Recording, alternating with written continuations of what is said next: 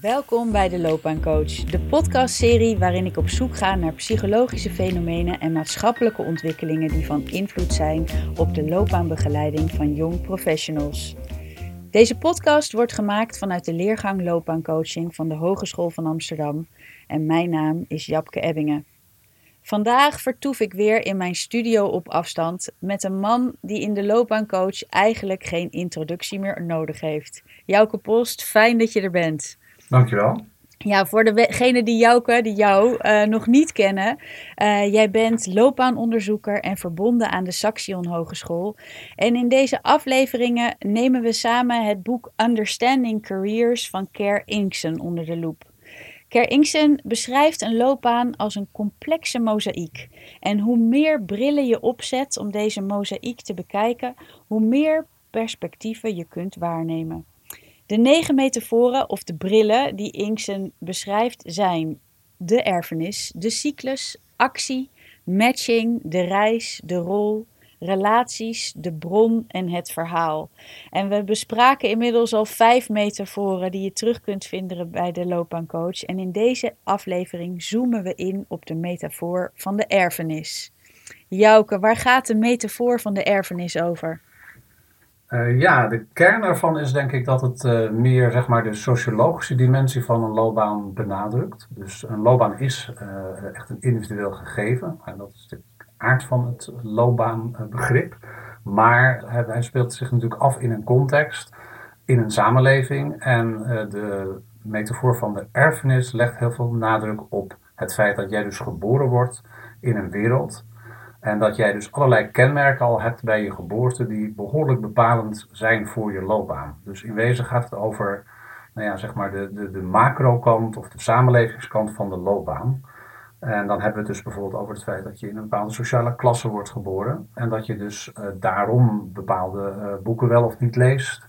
Uh, dat je daarom bepaalde taal wel of niet leert, of een bepaald niveau van taal leert hanteren. Dat je bijvoorbeeld ook in een bepaalde cultuur wordt opgegroeid. Dat zijn eigenlijk allemaal hele bepalende factoren voor zowel de schoolloopbaan als voor zeg maar, je verdere beroepsloopbaan. En ja, onderzoek toont ook iedere keer aan dat dat ook heel veel invloed heeft op het niveau dat jij uiteindelijk zult bereiken. Dus waar je wiegje stond is van grote betekenis in dit hele verhaal. Je noemt sociale klasse, uh, de cultuur waar je in opgroeit. Wat zijn nog meer dingen waar je aan kan denken die bepalend zijn voor je loopbaan als erfenis? Nou kijk, het is, is in mijn leven heel duidelijk dat bijvoorbeeld, ik heb, uh, mijn moeder was uh, onderwijzeres. Hè, en toen zij ging trouwen, moest ze stoppen met werken. Het feit dat zij een vrouw was, betekent gewoon dat ze moest stoppen met werken. Dan hebben we het over de jaren 50, 60. Uh, ik heb ook twee dochters en dan zie je dat daar uh, voor hun dat beeld gewoon helemaal weg is. Hè. Zij hebben vanaf het begin af aan heel duidelijk uh, zich georiënteerd op die arbeidsmarkt. En die hele discussie van wat, wat is de plek van werk in mijn leven, die is eigenlijk voor dat stuk heel, heel vanzelfsprekend. Maar het feit dat je man-vrouw bent is ook zo'n, ja, wat ze dan noemen, ascriptief kenmerk. Kun je niet veel aan doen. Hè. En uh, daar, uh, ja, dat, dat is toch ook heel bepalend. Dus het, het, glazen plafond, dat zijn allemaal dingen die dus meespelen in die, in die, in die loopbaan in die, in die erfenis. En je noemt eigenlijk al een beetje in het voorbeeld van uh, jouw eigen moeder en het voorbeeld van jouw eigen dochter. Daar zit dus ook ontwikkeling in. Hè? Dus er is toch wel een soort beweging naar misschien wat je noemt gelijke kansen. Of is dat wel zo, jouw? Ja, of is, het, nou, zijn, is, er sprake van ongelijke kansen? nou, kijk, als je, als je gewoon zeg maar meer een historische blik hebt. En je ga, ik hou ook erg van geschiedenis. Als je ze leest over de 17e en de 18e eeuw, is het, natuurlijk, is het milieu veel bepalender dat begint echt te kantelen in de 19e eeuw, dat, dat mensen veel meer kansen krijgen, dat, dat mensen toegang krijgen tot het onderwijs, wat toch een, dat noemen ze ook wel de sleutelmacht van het onderwijs. Het onderwijs helpt je dus heel erg om hoger op te komen. Uh, en tegenwoordig is het natuurlijk zo dat, dat mensen sowieso veel meer kansen hebben. Noemen ze ook wel een meritocratische samenleving. Dus een samenleving waar je niet zozeer kansen uh, worden bepaald door je afkomst, maar meer door je merites, door je verdiensten. Dus dan kan je gewoon door diploma's te halen en hard te werken, kan je gewoon een heel eind komen. En die bureaucratische belofte, nou ja, dat is wel een kenmerk van onze samenleving. Ook die American Dream, van krantenjongen tot miljonair, zijn eigenlijk allemaal ja, zeg maar, dat, dat verhaal is dus wel anders tegenwoordig. Uh, in de zin dat je wel meer kansen hebt. Maar. dat, dus, precies, maar er is een grote maar. Precies, precies. Nou ja, omdat het dat niet zo is dat dat, dat, dat verdwenen is. Hè. Zo is het niet. Het is niet zo dat opeens de kansenongelijkheid daardoor zomaar verdwenen is. Ik heb toevallig ter voorbereiding nog gekeken naar vorig jaar een mooi onderzoek verschenen, uh, internationaal onderzoek. Dat bijvoorbeeld laat zien dat uh, kinderen die dezelfde prestaties leveren.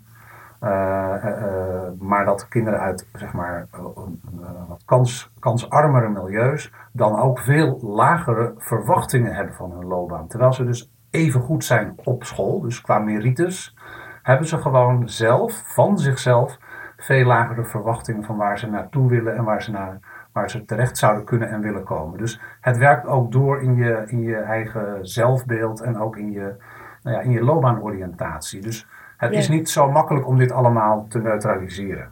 Ja, dus het is los van dat het in de samenleving is, eh, dat onderzoek wat jij nu aanhaalt, is het ook in de eigen verwachtingen van het individu, wat er met de CITO-score bijvoorbeeld uh, kan, is anders als je uit een omgeving komt waar er veel gestudeerd wordt of waar er weinig gestudeerd wordt, bijvoorbeeld. Ja. Ehm, ik heb eerder een podcast opgenomen met lector Louise Elvers en zij is ook erg kritisch over de meritocratie, hè, het maatschappijmodel waar we. Uh, ja, waar we in leven, waar we ogenschijnlijk gelijke kansen hebben door dat onderwijs.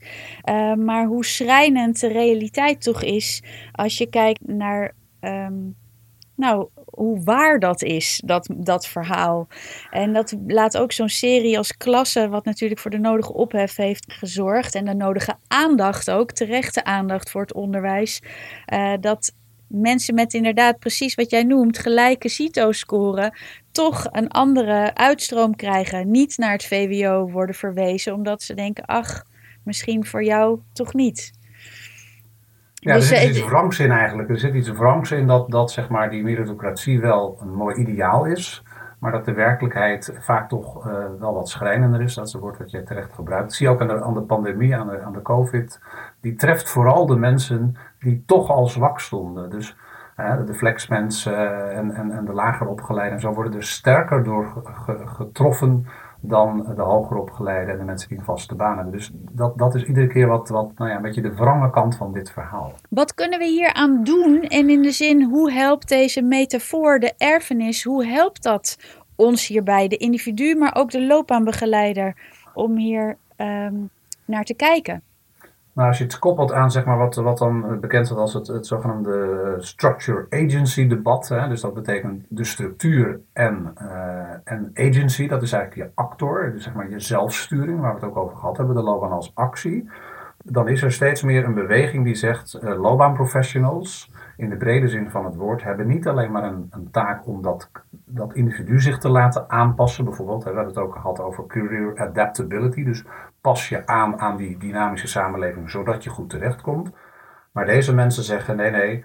Eh, naast je taak om het individu sterker te maken en te empoweren, dat is ook een begrip wat hier echt bij hoort, heb je uh, ook een taak in het, nou ja, zeg maar toch kritisch zijn op die uh, kansenongelijkheid en ook daarin zeg maar meer collectieve acties te ondernemen of je, je professionele aandacht te richten op hoe systemen mensen ook gevangen kunnen houden of kunnen kleineren zelfs.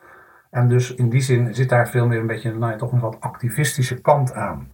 En dat is, ik ben een, uh, drie jaar geleden in Engeland geweest op een congres. En dat is daar echt wel een sterke beweging. Dat noemen ze ook wel Career Guidance and Social Justice. Dus eigenlijk zeggen zij, ja, je hebt ook een taak en een rol om die, wereld wat beter te maken en dat individu uh, ook te helpen dat die systemen ook hem of haar beter uh, ja, zeg maar kansen geven. Ja, dus het is ook nog, behalve dat je de individu begeleidt als loopbaanbegeleider, moedig je dan ook aan om je aan te sluiten bij vakbonden of om je uh, uit te spreken uh, naar je baas of op in je team. Is, moet ik het zo zien? Ja, zeker. zeker hè. Ze zeggen dus, ze hebben best wel vrij uitgewerkt. Ze zeggen, we hebben een aantal, aantal doelen daarin gesteld. maar een van die doelen is, is dus, dus help mensen kritisch bewustzijn op te bouwen in de wereld waarin jij leeft. Hè? En bijvoorbeeld, ik, ik heb eens een mooi uh, rapport uh, gelezen over hoe ze in Schotland dan ook op scholen komen en jongeren in een sfeer van een ROC bewust maken van wat is eigenlijk flexarbeid, Wat zijn jouw rechten als, als, als, als beginnend beroepsbeoefenaar? En is het inderdaad onder bepaalde omstandigheden niet slim om te zorgen dat je ook via een vakbond of een andere vorm van representatie ook vertegenwoordigd bent in die arbeidsorganisatie en je stem kan laten horen. En nou zo zijn er wel meer doelen die zij stellen van je kunt dus ook uh, op dat systeemniveau uh, werken. En dat is ook geoperationaliseerd in deze mooie rollenbeschrijving van de loopbaanadviseur. Dat zijn de zogenaamde NICE-rollen, een Europees netwerk.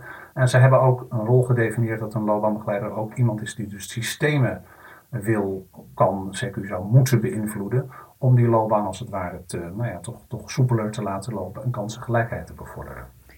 Dus een taak voor de loopbaanbegeleider om die systemen te beïnvloeden, maar dus ook door uh, de individu die je aan het coachen en begeleiden bent, bewust te maken van dat systeem waarin die opereert. En niet alleen dat familiesysteem waar je uitkomt, hè, dat waar je wiegje stond, maar ook dat systeem waarin je aan het werk bent en dat dat groter is dan jou. Uh, er is natuurlijk ook zo'n beweging over bewustzijn van uh, je omgeving. Hoort dan ook de maatschappelijke ontwikkelingen rondom duurzaamheid, hoort dat dan hier ook bij? Ja, er, is wel nu ook, er zijn ook mensen die hebben het over green guidance.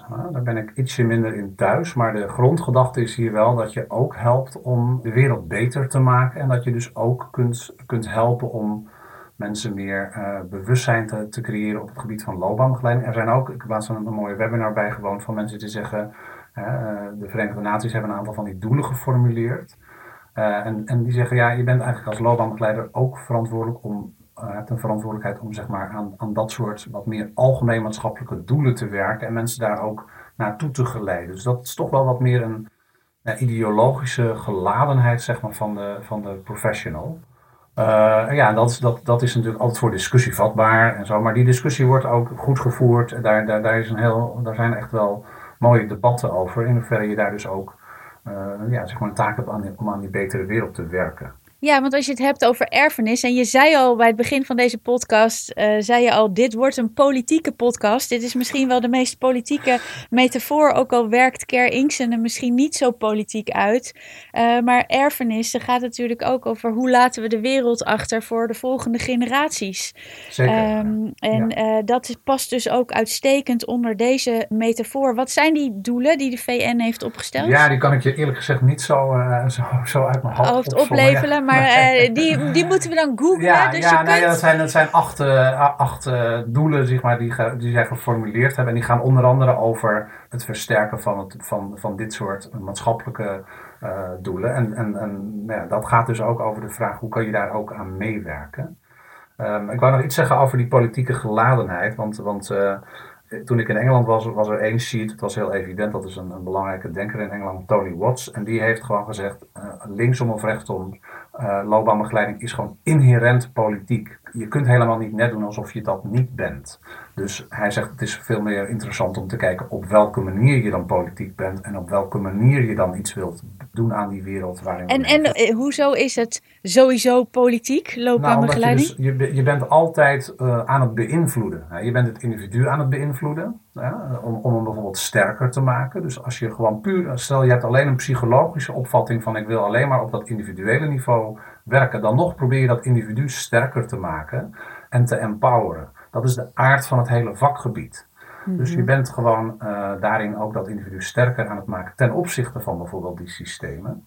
En uh, daar, uh, daar ook reflectief in te zijn. Dus je hebt ook al, als je je helemaal op het individuele zou richten, heb je ook al een, die empowerende rol of rolopvatting. En hij zegt daarnaast heb je dus de, de ruimte of de keuze om ook te zeggen, ik wil mij dus ook op het collectief richten. Ja, maar zelfs, zelfs als je zou willen zeggen, ik wil helemaal niks veranderen, wat natuurlijk eigenlijk niet kan in dit vakgebied, want het is een heel veranderingsgericht vakgebied, dan nog zegt is ook dat een politieke keuze. Als je helemaal zou willen dat alles blijft zoals het is, uh, dan is dat ook een politieke keuze. Dan behoor je tot een conservatieve stroming. In, ja, precies. Nee, dat klopt. Ja, ja. ja, dat klopt. Ja, ja, ja. Dus dat, hij zegt, dus je kunt je daar helemaal niet uh, van losmaken. Dat gaat helemaal niet. Dat gaat helemaal niet. En wat zijn de voordelen van uh, deze bril? Wat levert het de loopbaanbegeleider op om zo te kijken naar de individu voor zich? Nou, ik denk wel dat, dat, dat het. Uh, sowieso is denk ik nog best wel een wereld te winnen op dit punt. Hè. Heel veel loopbaanadviseurs, dat was toch, bleek ook wel in Engeland, hebben hier wel heel veel reserves in. Omdat ze het idee hebben van ja, hoe moet ik dat dan doen? Uh, die voelen zich heel onmachtig om systemen te beïnvloeden. Wat natuurlijk ook een goed punt is, want systemen zijn heel machtig en daar heb je zelf ook niet altijd invloed op. Dus in wezen is het een manier om, om, om dit zeg maar ook wel voor het voetlicht te krijgen. Maar moet er ook nog best wel veel gebeuren van hoe zou je dit kunnen doen? en, en, er zijn bijvoorbeeld wel in, in Denemarken is er wat een hoogleraar die heel erg gericht is op loopbaanbegeleiding binnen de vakbond. Omdat zij zegt, ja, juist een vakbond zou hier een belangrijke rol in kunnen spelen. Omdat die sowieso veel oog heeft natuurlijk voor misstanden, voor, voor, voor dingen die ja, zeg maar op dat punt ook kritisch kunnen en moeten worden benaderd. En zij zegt, juist daar kun je loopbaanbegeleiding ook heel erg situeren. Dus in die zin zijn dat dan manieren om dat uh, ja, ook wel uh, samen te doen. Want je moet dit eigenlijk ook niet alleen doen. Dat kan eigenlijk niet. Want ja, dat is toch een beetje uh, klein duimpje Goliath-achtige. sorry, David Goliath-achtige. Nu haal ik twee een sprookje en een bijbelverhaal ja. door elkaar. dat is toch een beetje David Goliath-achtige kleine grote dimensie zit daarin. Ja, precies. Dus je kunt vanuit de individu wel een golfbeweging maken, maar je moet ook gaan kijken hoe je dat systeem hier, eh, hierachter kunt beïnvloeden. Eh, je noemde het al tussen de dingen door. Er is ook kritiek, of er is in elk geval discussie over dit. Het is natuurlijk in het neoliberale tijdperk waarin we leven, uh, zijn we volgens mij best wel op zoek naar nieuwe vormen. Kan je iets zeggen over de kritiek of de zoektocht in deze metafoor? Nou, er zijn natuurlijk mensen die hier eigenlijk gewoon niks van willen weten. Die vinden dit heel simpel gesteld, zeg maar, een hele linkse positie. En, en, en, en, en dan krijg je dat verhaal van, dan word je dus een social justice warrior. Hè. Dat wordt dan ook allemaal een beetje weggezet als, als heel activistisch. Dat hoeft in mijn optiek helemaal niet hoor. Maar ik vind überhaupt wel, zie je wel dat er nu een, tegenbeweging is. Hè. Dus nu het CER, nieuwe CER-akkoord. Ook daar wordt bijvoorbeeld flexarbeid echt wel toch een halt toegeroepen. En je hebt die prachtige film van Sorry We Missed You over die pakketbezorger in Engeland. Ja, dat zijn echt wel hele kritische geluiden die er ook wel uh, plaatsvinden op de commissie Borstlab. Er is wel een beweging aan de gang waarin, waarin er toch ook wel meer oog is voor die schaduwkanten, zonder dat dat gelijk een soort links anti-neoliberaal verhaal wordt, uh, Is er gewoon meer dat het voelbaar wordt dat er misschien grenzen zijn aan het ideaal van een meritocratie? Ja, er is ook wel heel veel kritiek op dat hele beeld van dat, wat ze dan noemen de succesethiek. Hè? Dus het verhaal van jij bent als individu verantwoordelijk voor je succes, hè? Voor, je, voor je maatschappelijke positie. Dat noemen ze ook wel responsabilisering. Dus dat betekent eigenlijk, jij wordt verantwoordelijk gehouden voor de plek waar jij in terechtkomt. Dat is een soort uh, ja, moraal of ethiek, die natuurlijk heel veel accent legt bij, die in, bij dat individu, bij die krantenjongen tot miljonair-achtige ja, narratieven, zo heet, zo heet dat dan. En er is wel veel meer kritiek op dat dat natuurlijk gewoon sowieso niet klopt, dat dat niet waar is, omdat je, nou, het is altijd een wisselwerking tussen het individu en die omgeving. En in die zin uh, is er nu ook, denk ik wel, zeker door de pandemie, veel meer oog voor en oor voor die tegengeluiden die al langer klinken. Uh, zeker 15, 20 jaar heb je die ook wel, die tegengeluiden. Maar die krijgen nu wel wat meer uh, ja, podium, om het maar zo te zeggen. Ja, dat dus de verantwoordelijkheid voor je eigen succes niet helemaal alleen in jouw eigen handen ligt. nee, zeker. Uh, want uh, zoals je begon in, in ons gesprek, geslacht, etniciteit hebben invloed. Zelfs vandaag de dag nog, ook al maken we daar uh, bewegingen in. Nee, ik moet ook nog even terugdenken aan mijn uh, eerst mijn tweede baan was werken met chronisch zieke en gehandicapte jongeren. Dus dat, toen was ik beroepskeuzeadviseur voor chronisch zieke en gehandicapte jongeren. Toen heb ik mij daar natuurlijk ook heel erg in verdiept. Ja, ook, ook je, je, je beperking, of hoe je het maar wil, wil noemen, is een hele uh, ja, ascriptief kenmerk. Kun je ook niet zoveel aan doen.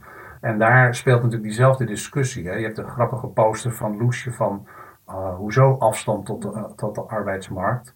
Eh, de arbeidsmarkt heeft afstand tot mij. Dat, dat, is, dat is ook daar eigenlijk het kernpunt van waar leg je het accent, waar leg je ook de oorzakelijkheid en waar leg je dus ook de oplossingen. En, en nou, de inclusieve samenleving is nu ook een, een belangrijk ideaal omdat we, ja, het is evident aangetoond dat mensen in een rolstoel gewoon worden gediscrimineerd bij sollicitaties. Erfenis gaat dus heel erg ook over inclusieve samenleving, of hoor ik dat dan? Ja, nee, dat heb je helemaal, daar heb je helemaal gelijk in. Dus dat, dat is wel een soort overkoepelend begrip hierin. En hoe je hier dus in elk geval naar kunt kijken door eerst te zien hoe ongelijk het is. Ook al willen we graag geloven in die meritocratie. Ehm, hoe speel je hierop in bij jongeren? Wat is hierin belangrijk? Nou, bijvoorbeeld wat wel een bekende oefening is, is dat noemen ze dan het genogram. Hè, dat eigenlijk je dus alleen al die stamboom, hè, bijvoorbeeld je beroepenstamboom, uh, kunt laten tekenen. En daarin al wel met hun in gesprek kunt gaan van hoe, hoe speelt jouw milieu eigenlijk mee? Welke boodschappen heb jij meegekregen ten aanzien van school uh, en ten aanzien van, van, van je toekomst? En op die manier probeert men eigenlijk dat bewustzijn via reflectieopdrachten of dat type opdrachten ook te, te bewerkstelligen. dat jongeren daar natuurlijk ook eh, via bijvoorbeeld rolmodellen. Dat werkt heel sterk. Dat is ook wel vaak uh, aangetoond dat rolmodellen een enorm krachtige manier zijn om hier uit te breken uit, dit, uit deze nou ja, toch patronen. Uh, dus dat zijn wel methodische elementen die hierin kunnen helpen. Ja, zicht op je eigen achtergrond. Wat waren de beroepen in de familielijnen? En misschien ook waar waren er uitzonderingen in de familielijnen?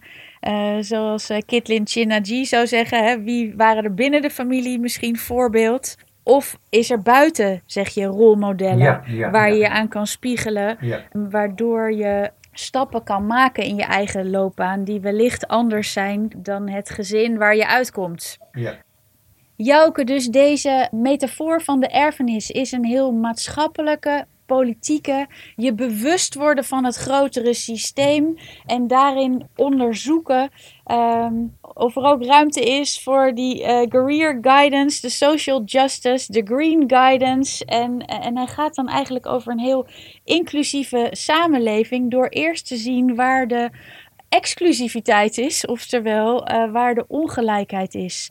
Um, zo begrijp ik deze metafoor. Zeker. Dus wat zou de belangrijkste conclusie zijn over deze erfenis? Nou, ik denk wel, ik, ik ben zelf wel voorstander van dat je dit als beroepsgroep ook echt wel bespreekt. En dat je dus ook wel kijkt wat je kunt doen. Hè? Dus, en dat het allemaal discussie is. En dat wij, wij hebben ook op, op, op, op de hogeschool ook wel aandacht voor dit type uh, denken. Om toch te kijken of, of, je studenten ook kunt, kunt, bewust kunt maken van, nou ja, je hebt ook een rol als professional om hier in ieder geval meer kritisch en bewust naar te kijken. Uh, zonder dat je gelijk in een hele activistische positie hoeft te zijn. Maar, maar het is wel belangrijk om dat, om dat gewoon te zien en te kijken wat je er wilt, aan wilt doen in, de, in jouw rol. Belangrijk om je er bewust van te zijn uh, en dat je kan zien wat jij en wat je vooral wat je samen hierin kan doen. Um, want hoe graag we die meritocratie ook zouden willen, zo werkt het in de praktijk toch niet. Waar je wiegje stond, heeft nog steeds grote invloed. Jouke, ik dank je wederom hartelijk. We hebben nog drie metaforen te gaan, of vier metaforen te gaan. Uh, en uh, wat wordt de volgende? De volgende wordt uh, loopbaan als resource, career as a resource, dus loopbaan als bron. de, de loopbaan als bron. Ik kijk er naar uit. Dank je wel voor deze. Ben je nieuwsgierig geworden naar de vorige of de volgende metaforen van Inksen? Luister dan naar de Loopbaancoach. We zijn te vinden op iTunes, SoundCloud, Spotify of via de website www.hva.nl/slash loopbaancoaching. Ook zijn we te volgen op Instagram, de Loopbaancoach. Dit was hem weer. Leuk dat je luistert.